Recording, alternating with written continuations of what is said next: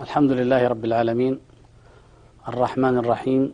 مالك يوم الدين. وصلى الله وسلم وبارك على عبده ورسوله محمد وعلى آله وصحبه الطيبين الطاهرين وعلى سائر أنبياء الله المختارين المصطفين. آمين. أما بعد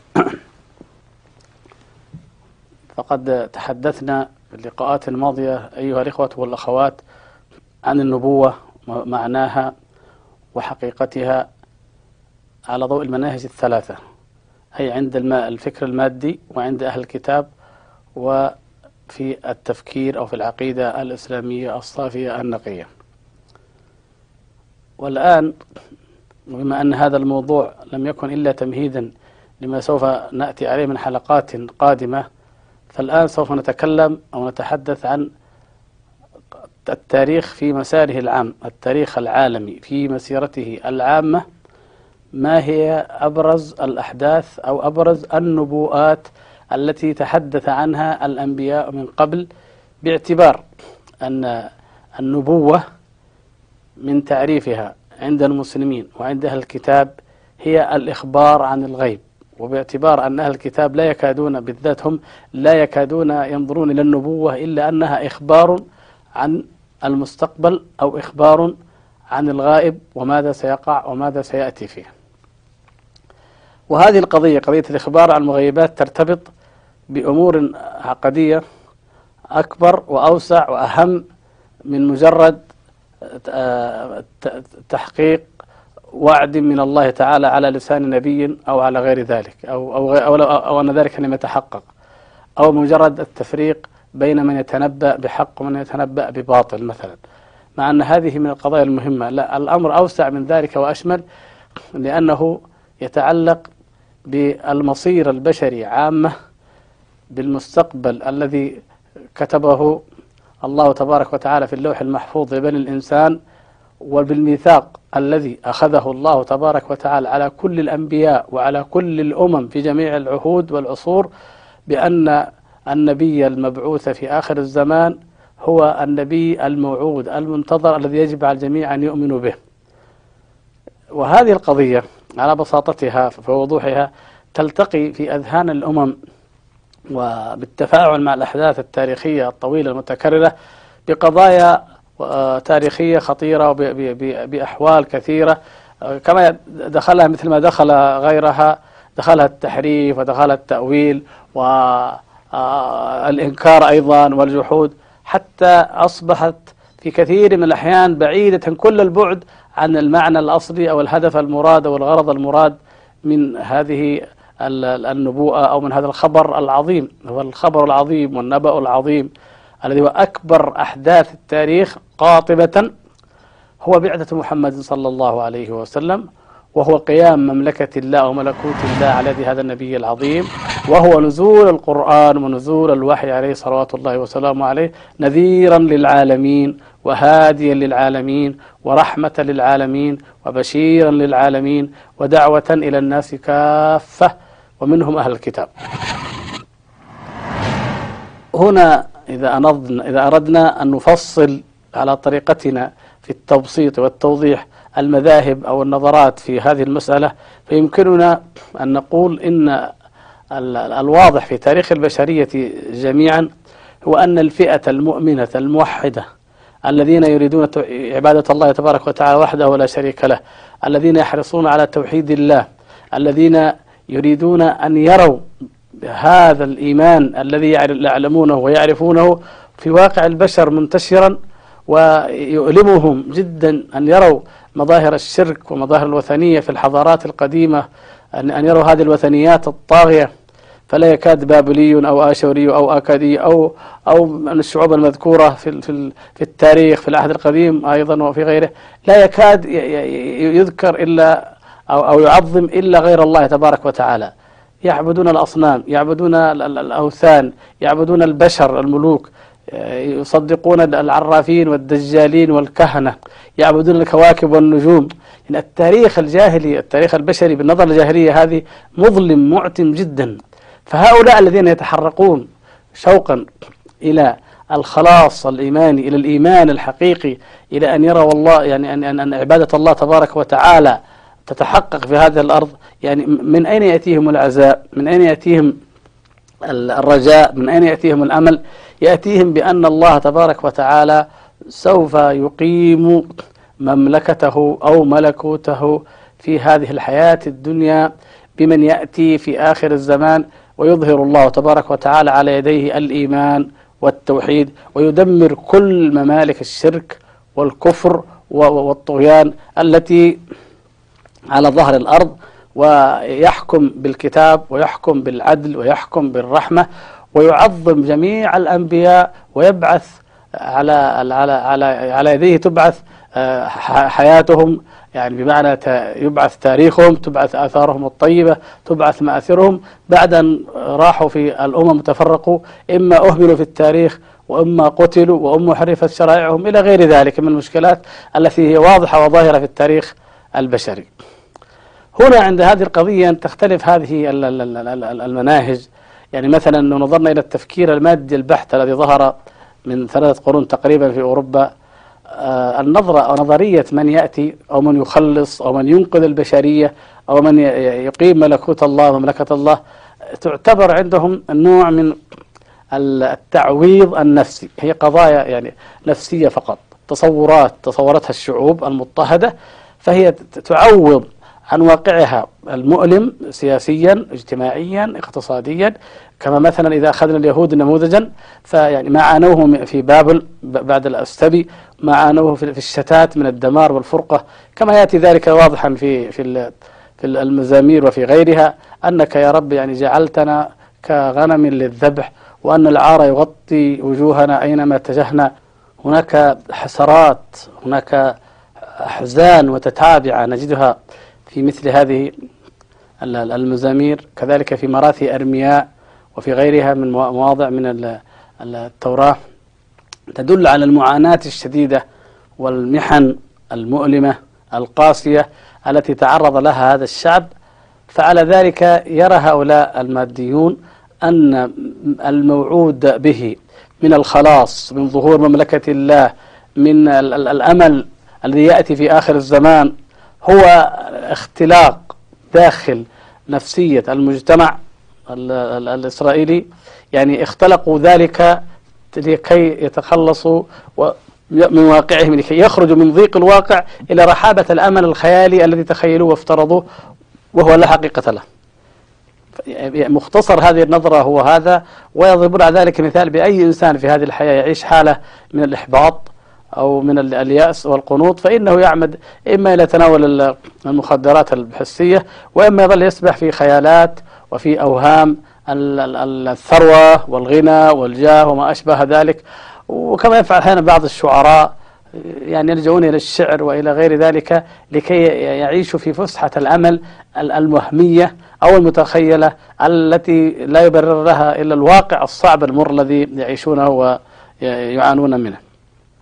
باختصار هذه النظرة المادية لكل ذلك وسوف نأتي إن شاء الله في الرد عليها تفصيلا لأن الرد عليها هو رد من خلال الواقع الهائل الذي حدث بعد ذلك والذي يكذب هذا المقال اعترفوا هم أم لم يعترفوا بهذه الحقائق. لكن المقصود هو هذا.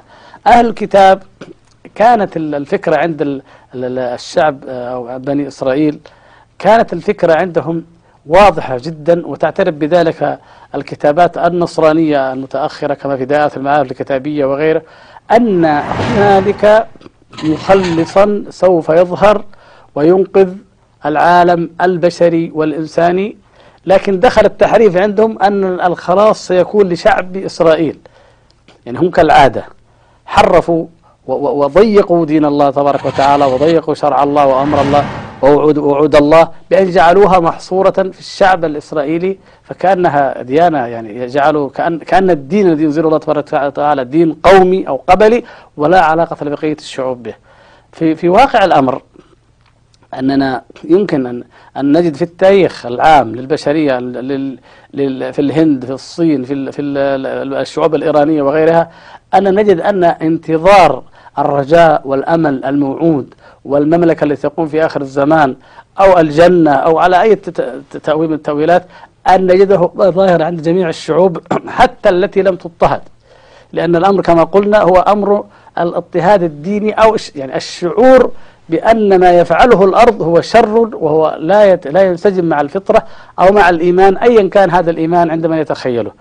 وهذا لأن هناك بقايا من علم موروث تأتي ف يعني تؤيده وتشجعه فيظل متداولا يظل مستمرا. علم موروث عن الأنبياء الأولين وعن الآباء وكذلك واقع يدعو ويحفز إلى أن تؤمن به وأن تعتقده. فهو ظاهرة وسمة إنسانية مشتركة عند جميع الشعوب وليس فقط عند الشعب الإسرائيلي. وإن كان بنو إسرائيل تعرضوا ربما أكثر من غيرهم للأذى والاضطهاد والتشتيت والتدمير لأسباب لا علاقة لها بموضوعنا الآن. فعلى أي حال نحن نجد أن الهنود الهندوز يعتقدون بظهور هذا المخلص. وإن شاء الله نأتي بشواهد كتبهم بإذن الله في حينه. عند الكلام عن البشارات بالتفصيل عن النبي صلى الله عليه وسلم نعتقد أن المجوس الأزرادشت الذين ينتسبون إلى إلى أزرادشت أنهم يعتقدون بأنه سوف يظهر سوشن أو سوثن أو كما يعني تختلف اللهجة فيه الذي هو أيضا المنقذ والمخلص الذي يخلص الشعب الإيراني أو الشعوب الإيرانية من الاضطهاد والذي يملأ الأرض عدلا بعدما ملئت جورا وظلما. وهذا بالذات موجود وكثير من المعاني أو الصفات التي تطلقها الزرادشتية أو تلبسها عليه موجود في عقيدة الفرقة الاثنى عشرية من الشيعة على ما سيأتي إن شاء الله تعالى. يعني نقلوا منها واقتبسوا منها الكثير. فعندما دخلت هذه الشعوب في الإسلام إما يعني حقيقة لكن مع ضعف في الفهم وإما نفاقا كما دخل بعضهم فألبسوا بعض هذه العقائد القديمة آه، شيئا أو لونا جديد لباسا إسلاميا جديدا. فأصبحت الصفات المتشابهة لمن يسمونه المهدي المنتظر أقرب ما يكون إلى المخلص والمنقذ في الفكر الإيراني المجوسي القديم. على أي حال هذا جانب الذي يهمنا أكثر الآن في هذه الحلقة هو ما يتعلق بالمملكة التي سوف تأتي كيف كان تصورها في نظر اليهود والمنقذ كيف يكون في نظر اليهود.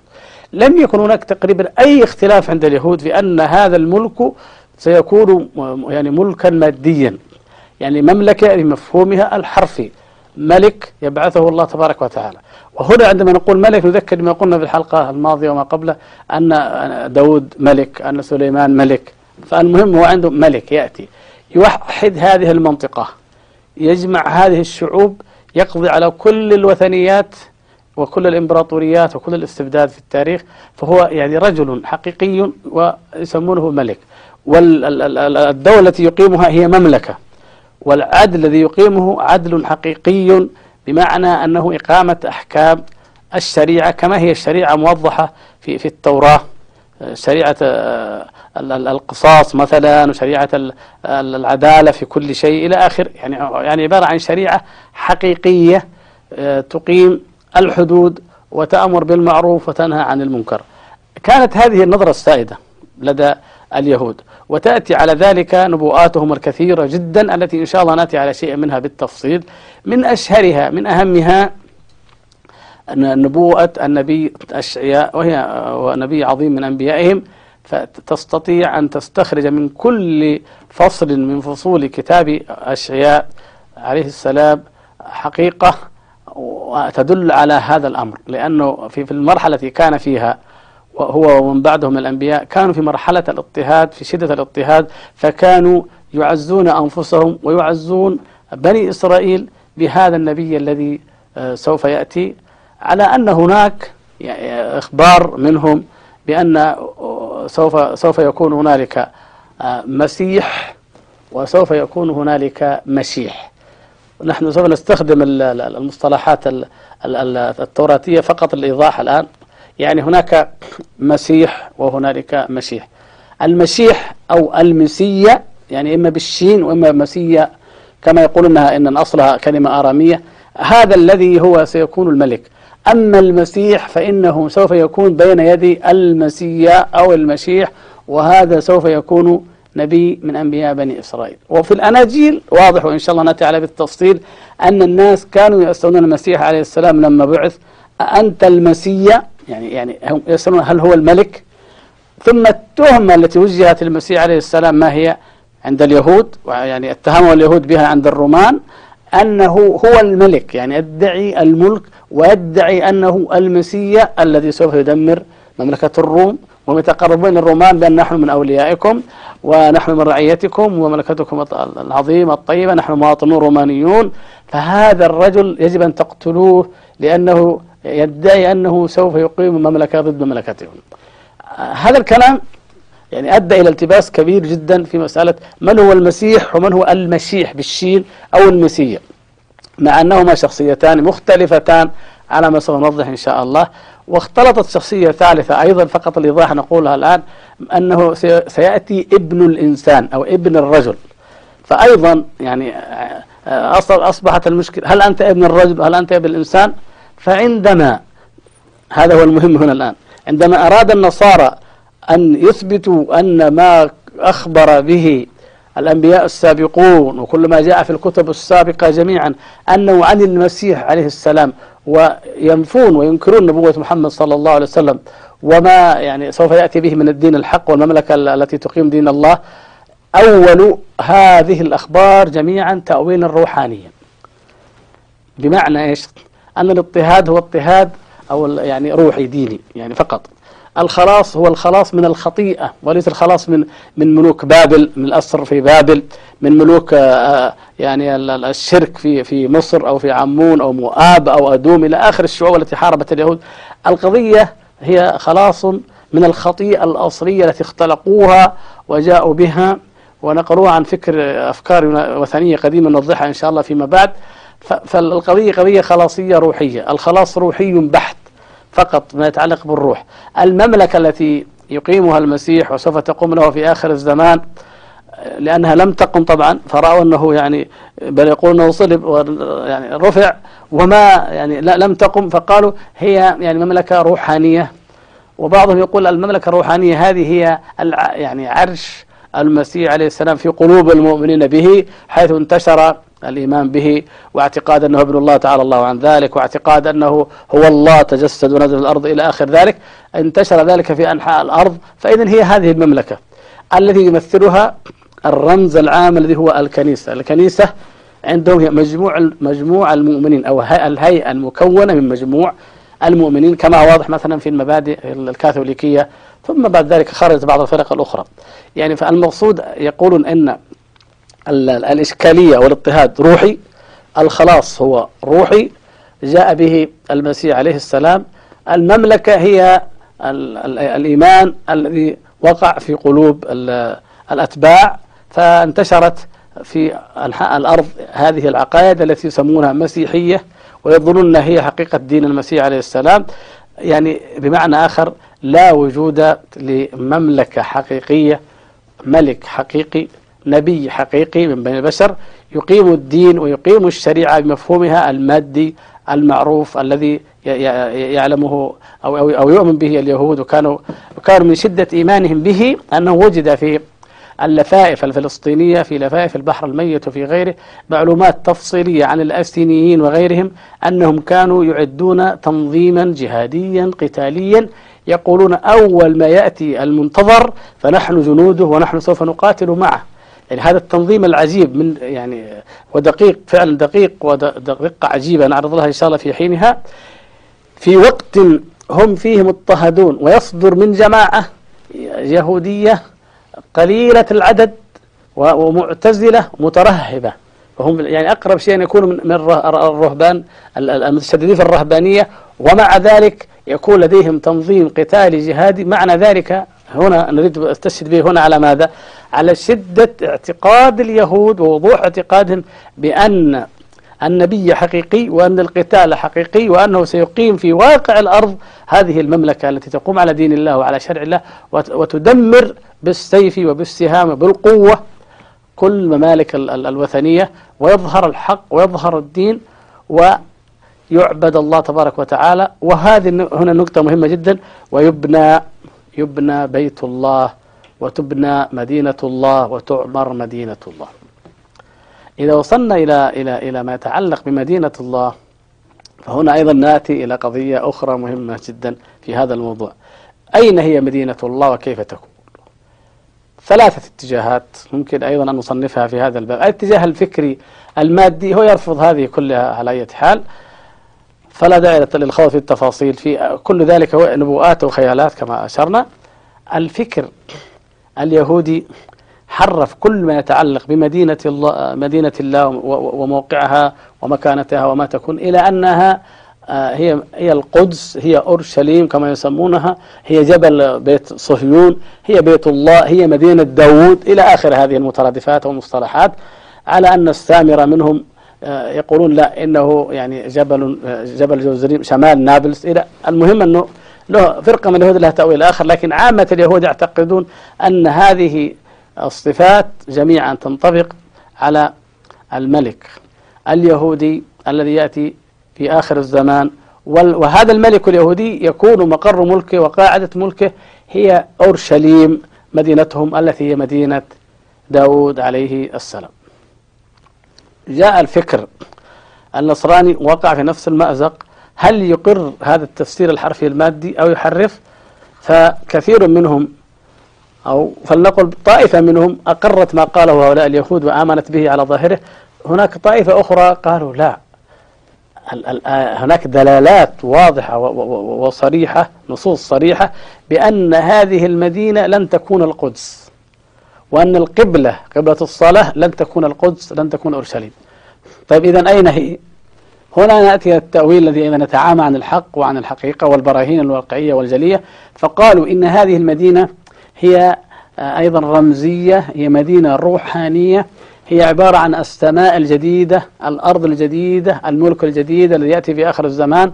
وهذا يعني المجد وبهاء يكون للمسيح عليه السلام. وإذا نزل أو جاء في آخر الزمان تأتي معه الملائكة. وهذه المدينة مدينة سماوية.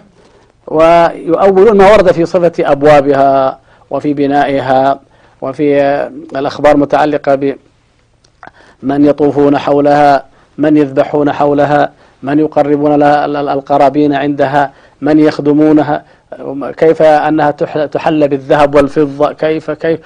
إن شاء الله أمور كثيرة جدا نأتي على بالتفصيل نصوص صريحة أن هذه المدينة وهذا البلد وهذا البيت بيت الله ومدينة الله أنها مكان حقيقي في هذه الأرض وموجود وتنطبق عليه كل هذه الصفات من غير اختلاف كل أولو على أنه معنى روحاني معنى سماوي معنى لن, لن, لن تعرف حقيقته إلا في آخر الزمان إذا ظهر المسيح ويعني آمن الناس به ورأوا المجد والملكوت الروحاني العجيب الذي يعجزون ربما عن فهمه وعن استيعابه. يعني هكذا يعني الانحراف في تأويل هذه النبوات عن مدينة الله تبارك وتعالى. طبعا من أهل الكتاب من ظل محتفظا بالحق والحقيقة. وهؤلاء هم الذين كانوا ينتظرون بعثة النبي صلى الله عليه وسلم. وهؤلاء الذين لما عرفوا الكعبة المشرفة ومكة المكرمة وجدوا أن الصفات المذكورة في كتب الأنبياء وفي ما قبلها تنطبق جميعا على هذه البلدة العظيمة وأن ما ورد عن بنائها ما ورد عن أبنائها عن العبادة فيها عن تعظيم الله تبارك وتعالى فيها عن القرابين التي تقدم إليها عن الملوك الذين يخدمونها عن الشعوب الذين يعظمونها عن أنها العروس التي تحلى بأجمل أنواع الذهب والفضة. إلى آخر ذلك وجدوا حقيقة. لما التأويلات البعيدة هنا أو هنا؟ وبالفعل النصوص التي تدل على أنها ليست هي القدس واضحة. و يعني تأويل النصارى بأنها بأنها يعني مدينة في السماء دليل على ماذا؟ دليل على أنهم لم يقتنعوا بأنها في الأرض وأنها آه، يعني هي هذه القدس الموجودة فجعلوها في السماء. لما لا تكون أخرى وفي الأرض ويظل الأمر على ظاهره هذا الذي رأى هؤلاء المؤمنون الذين كانوا يعتقدون العقيدة الحقة في الله سبحانه وتعالى أن هذه المدينة المعظمة والمقدسة سوف تأتي وما يعني زادتهم بعثة النبي صلى الله عليه وسلم إلا إيمانا وتصديقا لما كان لديهم من أخبار الأنبياء صلوات الله وسلامه عليهم. فرأوا أن هذا الوحي بعضه يصدق بعضا هو حق يصدق حقا لكنه يبين ما, ما, ما, ما أجمل ويوضح ذلك ويقع مثل ما تقع الرؤيا الصادقة التي تراها في المنام أو يقع الخبر الصادق الذي تخبر عنه بأوصاف حقيقية ثم تراه في الواقع كما أخبرت به وكما رأيته. ومن هنا كانوا كما أخبر الله تبارك وتعالى عنهم يعرفونه كما يعرفون أبناءهم. وجاءت هذه الآيات ضمن إثبات النبوة النبي صلى الله عليه وسلم وضمن آيات القبلة لأنهم أيضا كانوا يعلمون أن الله سبحانه وتعالى سوف ينقل القبلة. وينقل الدين وينقل الوعود التي عندهم عن الشعب الإسرائيلي إلى أمة أخرى. وكثير من الوعود التي كانت أو أولوها أو يظنون أنها في القدس تنقل إلى مكة وتنطبق على مكة. ولذلك يعني هؤلاء لم يكن لديهم أي شك في هذا. وهؤلاء هم الذين لما ظهر الإسلام سارعوا بالدخول فيه وشهدوا على أقوامهم واستشهد الله تبارك وتعالى بهم على بني إسرائيل. أولم يكن لهم آية أن يعلمه علماء بني إسرائيل وعلى قوم يعني على على غير بني إسرائيل لأن هذه الحقائق الواضحة الجلية التي حتى الآن تقرأ في كتبهم لا يمكن على الإطلاق أن يجحدها أو أن ينكرها إلا مكابر. حقيقة أيها الإخوة المشاهدون أيها الإخوة المؤمنون إنك لتعجب غاية العجب. عندما ترى هذه الكعبة هذا البيت الحرام وترى صفاتها الواضحة الجلية ثم تقرأ ومع الأسف الشديد أو تسمع لعرب من لبنان من مصر من غيرها فضلا عن غيرهم يتكلمون عن هذه الصفات واحدة تلو الأخرى ويؤولونها ويحرفونها أو يراوغون عنها ذات اليمين وذات الشمال. يا سبحان الله أإلى هذا الحد يغالط الإنسان نفسه؟ يغالط الإنسان الحقائق التي التي يراها أمام عينيه؟ يكابر وهو يرى الحق واضحا جليا؟ حقيقة يعني شيء مؤلم جدا وهو مما يجعلنا نقيم الحجة ونبين إن شاء الله تبارك وتعالى وبالتفصيل ابتداء من سيرة الخليل عليه السلام ثم ننتقل بعد ذلك إلى إلى البشارات بالنبي صلى الله عليه وسلم وبالكعبة وبنائها ونبين كيف تنطبق هذه الصفات واحدة إثر واحدة على هذه البلدة المحرمة والبيت الحرام المعظم. وحقيقة أنه من خلال آه، لقاءات لي مع بعض هؤلاء أنني أجد أنهم لا يعني يحتارون لا يجدون جوابا أبدا عندما نواجههم مثل هذه الحقائق.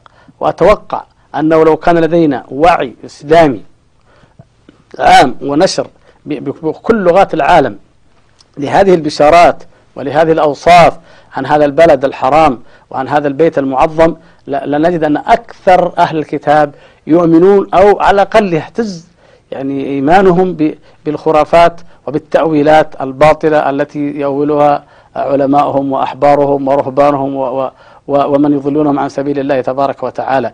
يعني ها هنا نجد يعني أن الأنبياء دينهم واحد. ها هنا نجد أن أن بيتا بناه الخليل إبراهيم عليه السلام وهو أبونا جميعا. نجد كل ما جاء فيه حقيقة واضحة بين أيدينا. نجد أنه ليس هناك آه، دعوة عنصرية لا دعوة قبلية لا, لا.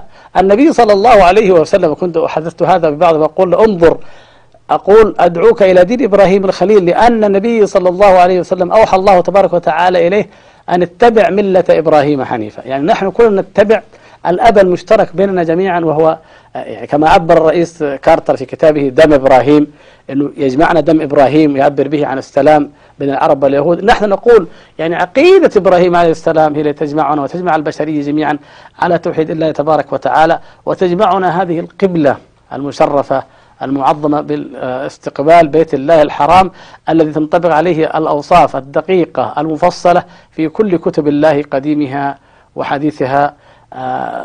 هنا نتوقف ونعد الإخوة المشاهدين وفقني الله وإياهم ما يحب ويرضى بأن نتابع بإذن الله تبارك وتعالى هذه الأوصاف وهذه البشارات بقدر ما نستطيع بقدر ما يسمح به المقام والوقت بإذن الله عز وجل ونناقشها مناقشة علمية واضحة جلية حتى تتضح الحقيقة وحتى يتبين لأهل الكتاب ولغيرهم أن ديننا هو الحق وأن هذه الكعبة حق وبيت الله تبارك وتعالى هو الحق وأن بعثة محمد صلى الله عليه وسلم هي أكبر حادث في تاريخ البشرية وأن كل ما أخبر به الأنبياء وكل ما حدثنا عنه في الكتاب في نبوءاته إنها مهما حرفها من حرفها إنها دالة دلالة قطعية صريحة واضحة على نبوة محمد صلى الله عليه وسلم وتعظيمه و, و لا وإيمانه بكل كما نؤمن نحن جميعا المسلمون نؤمن بجميع كتب الله وبكل أنبياء الله. أسأل الله تبارك وتعالى أن يهيئ لنا ذلك وأن ينفعنا وإياكم جميعا بما نسمع وما نقول. إنه سميع مجيب. والحمد لله رب العالمين وصلى الله وسلم وبارك على عبده ورسوله محمد وعلى آله وصحبه أجمعين. الناس تفرق مسعاهم ما بين الدين ودنياهم. برز التاريخ بألوان لعقائد سارت ترعاهم. لعقائد سارت